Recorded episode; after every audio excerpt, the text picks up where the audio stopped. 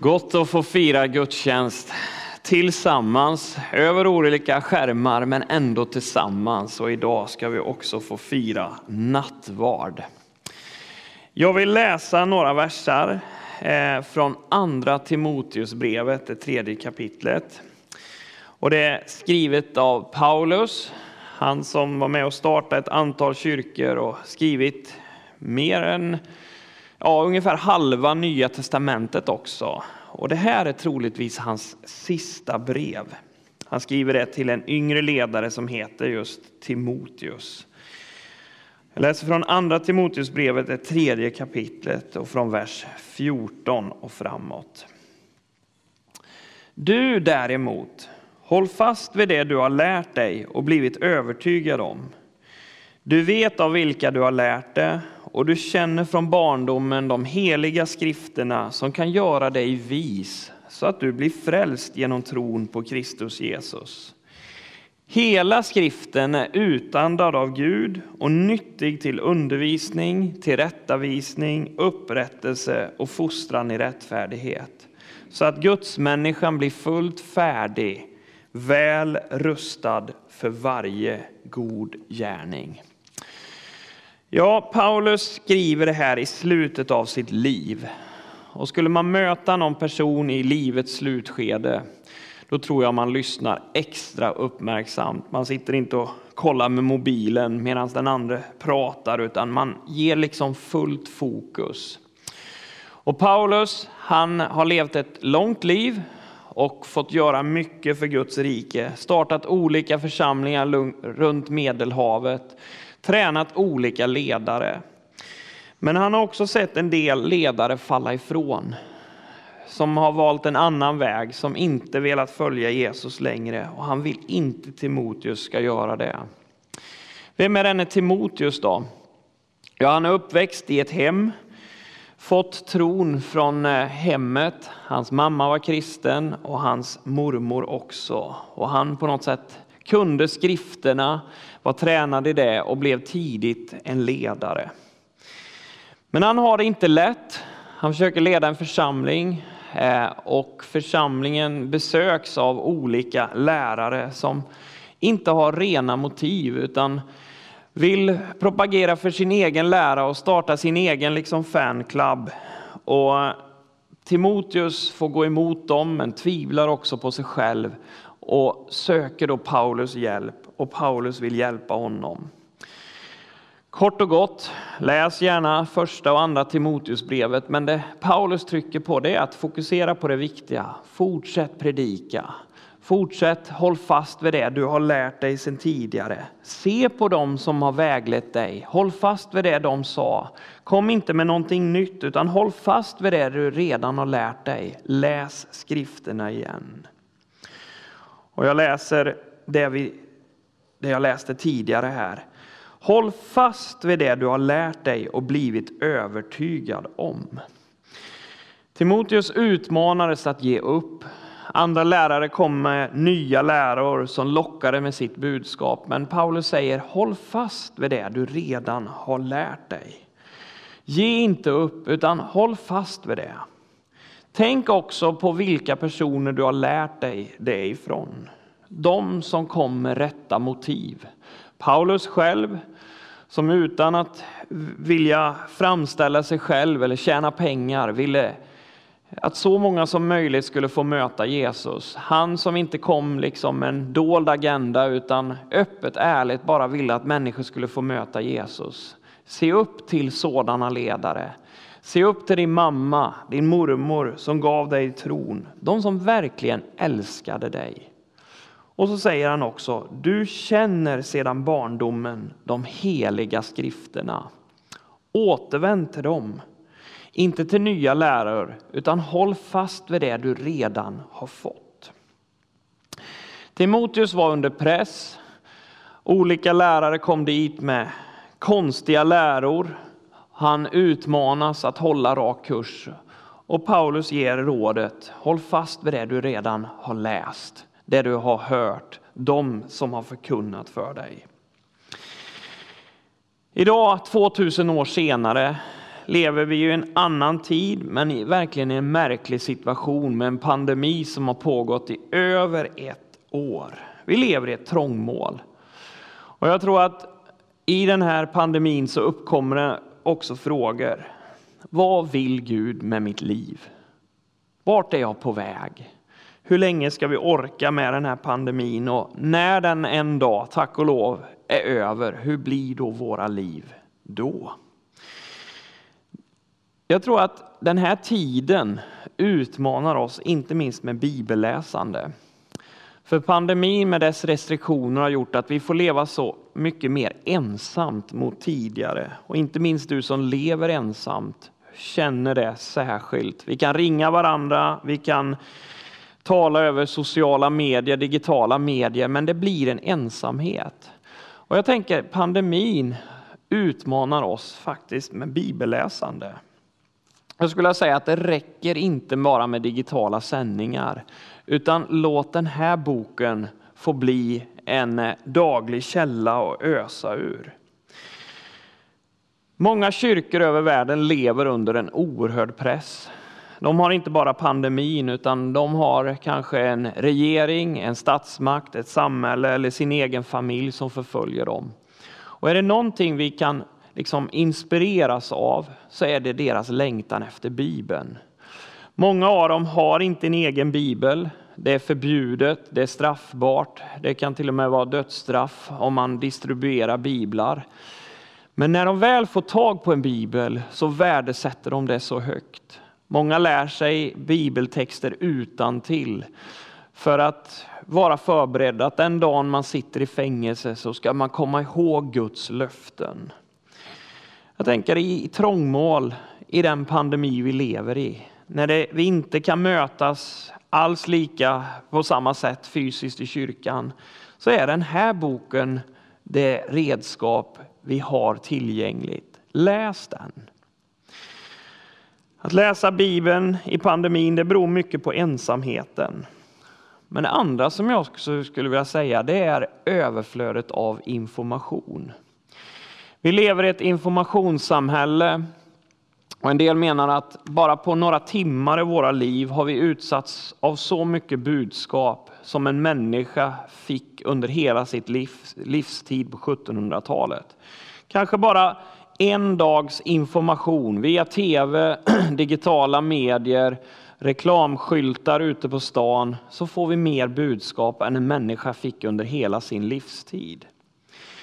Aldrig har det varit så lätt faktiskt att ta del av predikningar via Youtube, Facebook, olika sociala medier. Och är allt bra?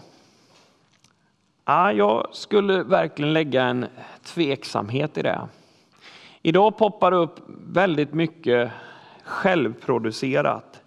Människor som utger sig för att vara pastorer, profeter, lärare, men som inte har någon församling bakom. Ingen som har avskilt dem, ingen som de står ansvariga inför. Och det kan vara bra det de säger, men man behöver akta sig för att inte bara ta in olika läror. Jag vet inte de här som utmanade Timoteus, vad de hade i ryggen, om de hade församlingar, om de hade människor som har avskilt, om de var ansvariga inför några. Det verkar som de kom med egna motiv att skapa en egen fanclub och mycket sånt finns idag. Du och jag behöver därför en motståndskraft för att kunna skilja på det som är gott och det som är mindre bra. Och det är att vi är rotade i det här bibeltexten får en stark, stabil grund så att vi kan avgöra vad vi tror är i enlighet med Guds ord och vad som inte är det. Jag tror att samma uppmaningar är väl för oss som har funnits med länge i kyrkan. Tänk på det som du tidigare har hört. Tänk på de som har lärt dig, de som kom med rena, ärliga motiv som ville vägleda i skriften utan att själva hamna i fokus, utan bara vill sätta strålkastarljuset på Jesus. Tänk på skrifterna, återvänd till dem. Varför är det just Bibelns skrifter som Paulus lyfter fram? Och vid den här tiden fanns det också faktiskt olika brev som utgav sig för att vara eh, kristen litteratur. Men kyrkan fick senare bestämma sig att de här skrifterna är de rätta. De går att härleda till de som fanns nära Jesus. De var geografiskt spridda och hade redan ett anseende. De uppkom med rätta motiv för att ge Jesus vidare. Och så valde man vilka bibelskrifter. Paulus säger någonting om de här skrifterna. Han kallar dem heliga. Vad betyder det? Ja, i grund och botten är det någonting som är avskilt. Någonting som eh, är något annorlunda, som inte är som det andra. Och han benämner de här heliga och då har det med Gud att göra, det är avskilt från Gud. Skrifterna kunde göra dig vis så att du blir frälst på Jesus Kristus. Och varför läsa just bibeltexter? Jag skulle vilja säga att en, en av sanningarna bakom det, det är att när människor läser det här så får de möta Jesus själv. Många sysslar med bibelspridning. Det finns olika organisationer, Gideoniterna, Goda nyheter i Sverige, olika församlingar ger Bibeln vidare. Och många som har läst den, som inte haft en tro innan, börjat läsa, får själva en tro på Jesus. Man brukar kalla den här boken ett kärleksbrev. Och jag tänker, jag har nog skrivit eh, kärleks-sms till min fru, det har jag. Brev vet jag inte, men skulle jag bemöda mig att skriva ett sånt här långt brev, som Bibeln ändå är, då visar det på kärlek. Det här är brevet där Gud visar sin kärlek till oss. Där det står om hur mycket han älskar oss, att han gav sin enda son, som i sin tur gav sitt liv för oss, för att du och jag ska få möta hans kärlek. Det här är ett kärleksbrev som du och jag kan läsa för att ta del av Guds kärlek till oss. Bibeln är den bok där människor möter Gud genom. Jag har en vän som växte upp i ett av världens mest stängda länder. Där Bibeln är förbjudet, ja det är förbjudet att utöva kristen tro i Afghanistan. Han växte upp i en starkt troende muslimsk familj. Men så fick han jobb på ett bygge. Eh, och bland byggnadsarbetarna, det var några från andra länder, så var det en som var kristen. Och den tog mod till sig. I fikarummet började de prata om tron och till slut så gav han min vän en bibel.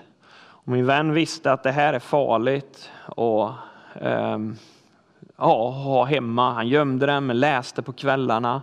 Och sakta men säkert så började min väns hjärta förändras. Han som var en stark troende muslim som var van att bara se Jesus som profet, börjar själv nu få möta Jesus. Och hela hans liv blev förvandlat. Sen levde han under så tuffa förhållanden att då han blev en kristen, slutade gå i moskén, så fick han fly för sitt liv, men har också fått uppehållstillstånd i Sverige.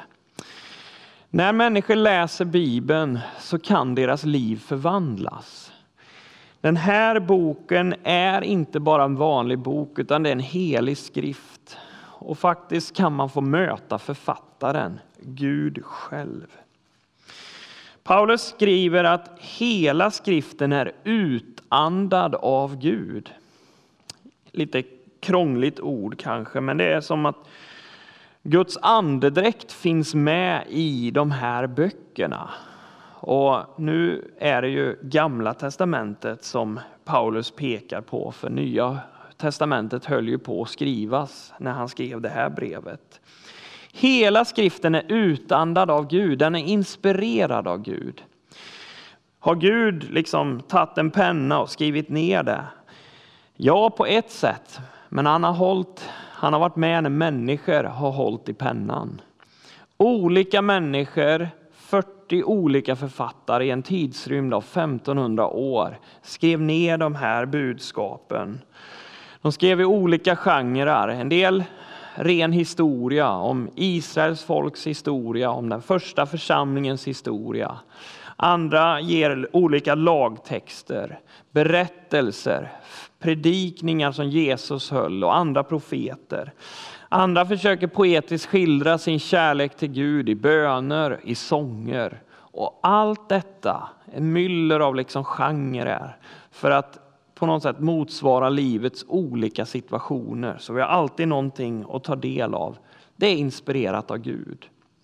Han är författaren bakom, genom olika människor. Och den skrevs med syfte att du och jag kan få möta Gud.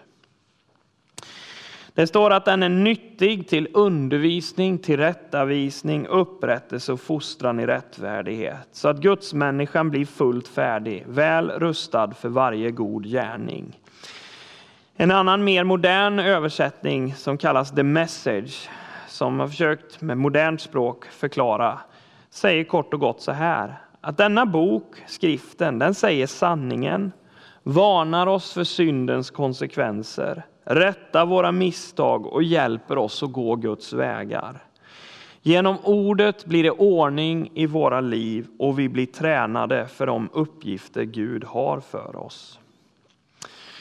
För att lyckas med något i livet så behövs det uppfostran. Någon som vägleder en hur man ska tala, agera, vad som är bra i livet och vad som är mindre bra. Vi behöver utbildning, få kunskap för olika yrken, för olika uppgifter. Detta är liksom Guds utbildningsväg. Ordet Bibeln, det kommer från grekiskans ord för böcker. Detta är ett bibliotek av böcker som Gud vill vägleda oss genom.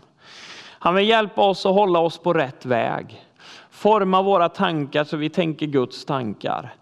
Han vill visa vägen som vi ska gå genom livet. Han vill varna oss för saker som är mindre bra, hålla oss borta från det onda och tränas för att hjälpa andra.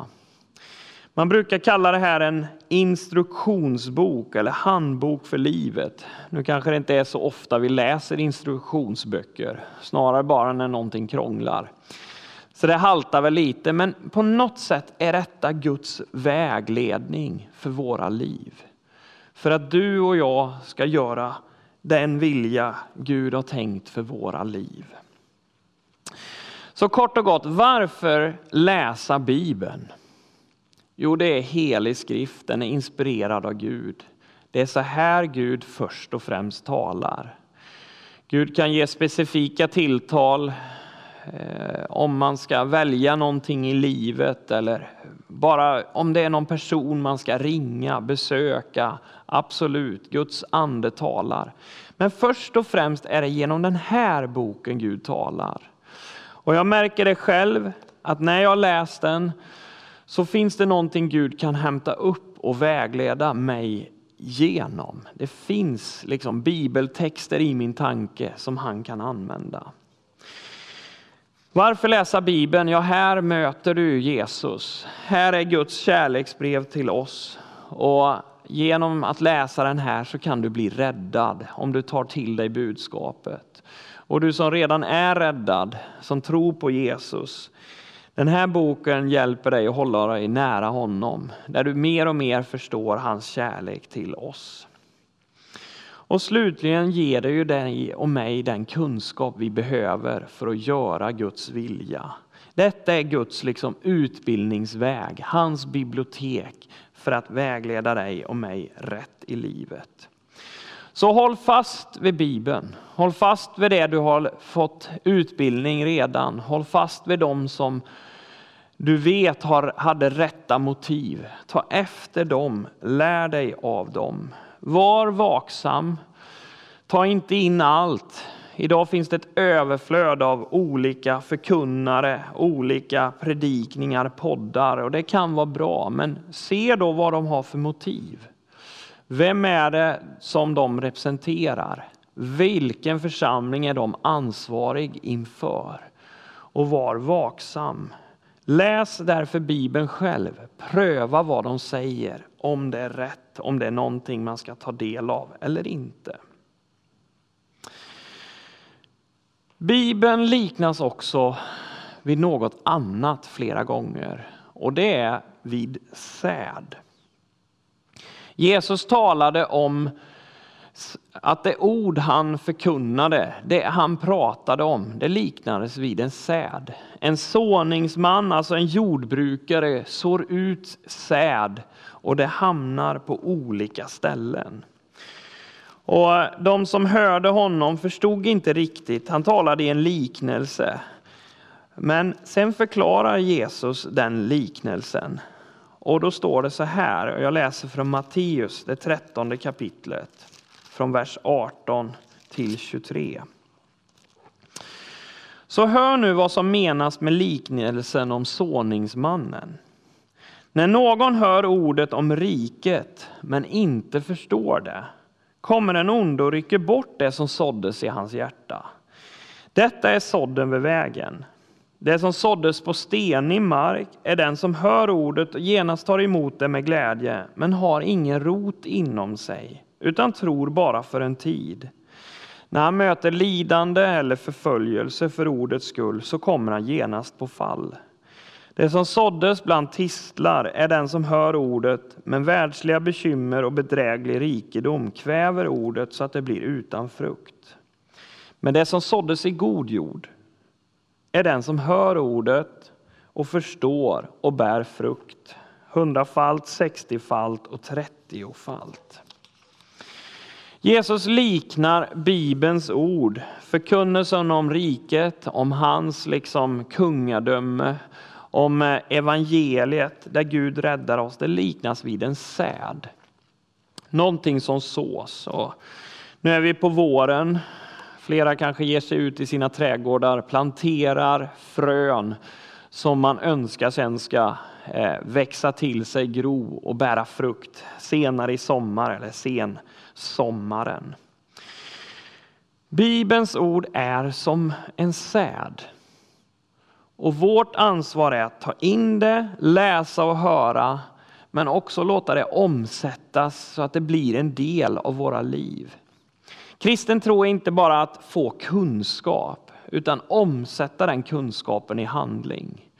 Låta budskapet om Jesus bli en del av ens liv.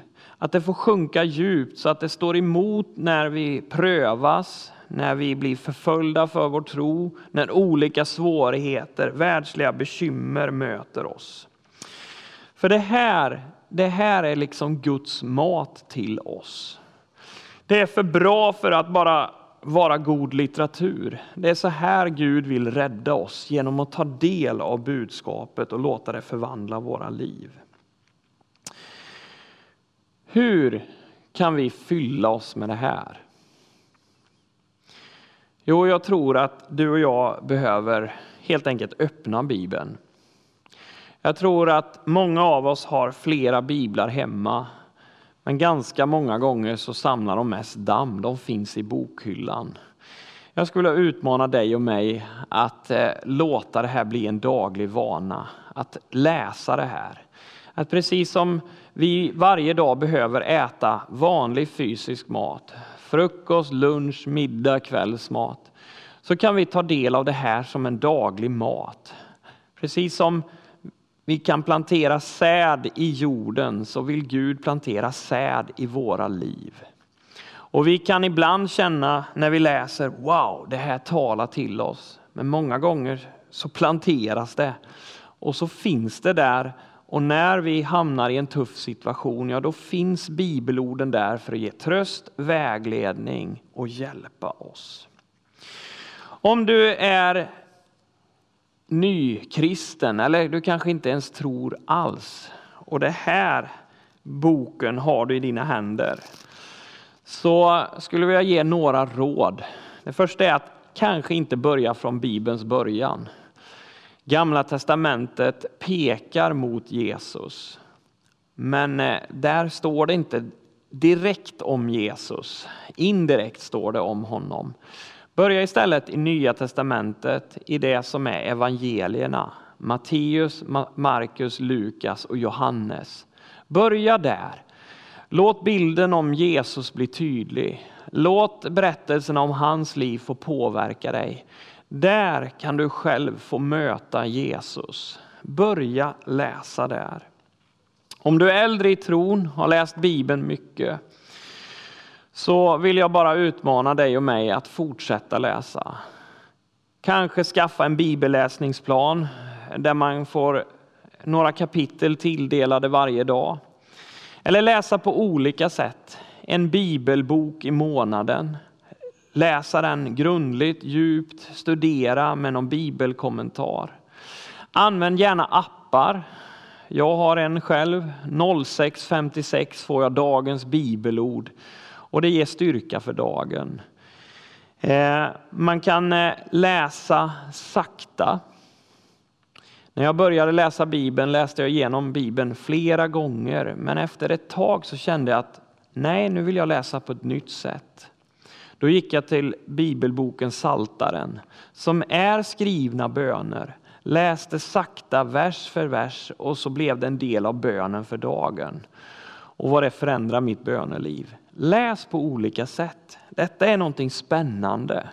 Någonting vi kan läsa lite äventyrligt, där man får söka ett tilltal för dagen, men också kunskap för att veta mer om vem Gud är. Idag finns det många möjligheter. Vi kan läsa rent fysiskt med en bibel i hand. Vi kan lyssna på Bibeln, det finns inspelat material. Kanske du gillar att springa eller vandra. Plugga då in, lyssna på Bibeln. När du kör bil eller när du åker med allmänna kommunikationer, lyssna på Bibeln. Ha appar som ger dig påminnelse. Lyssna på predikningar. Idag finns det goda möjligheter att fylla sig med Guds ord, trots att vi inte fysiskt kan mötas i kyrkan. Det viktiga jag tror det är att få in rytmen. Precis som vi behöver fasta tider för att äta så tror jag det är bra att ha någorlunda fasta tider för att ta del av det här. Jag brukar alltid läsa Bibeln innan dagen riktigt drar igång. Då har jag med det för resten av dagen och så får jag den här påminnelsen också via bibelappen. En del kanske skulle vilja läsa mitt på dagen under lunchen när man får lite längre tid. Dagen har stressat innan, men då får det. Eller på kvällen innan man lägger sig, eller när det än passar. Men få in en vana. Få in det dagliga intaget. För jag tror du kommer märka att ditt liv, du börjar tänka mer på Gud, får det lättare att tjäna honom. För det är genom den här boken han vill vägleda oss i våra liv. Den här boken är Guds instrument för att förvandla våra liv.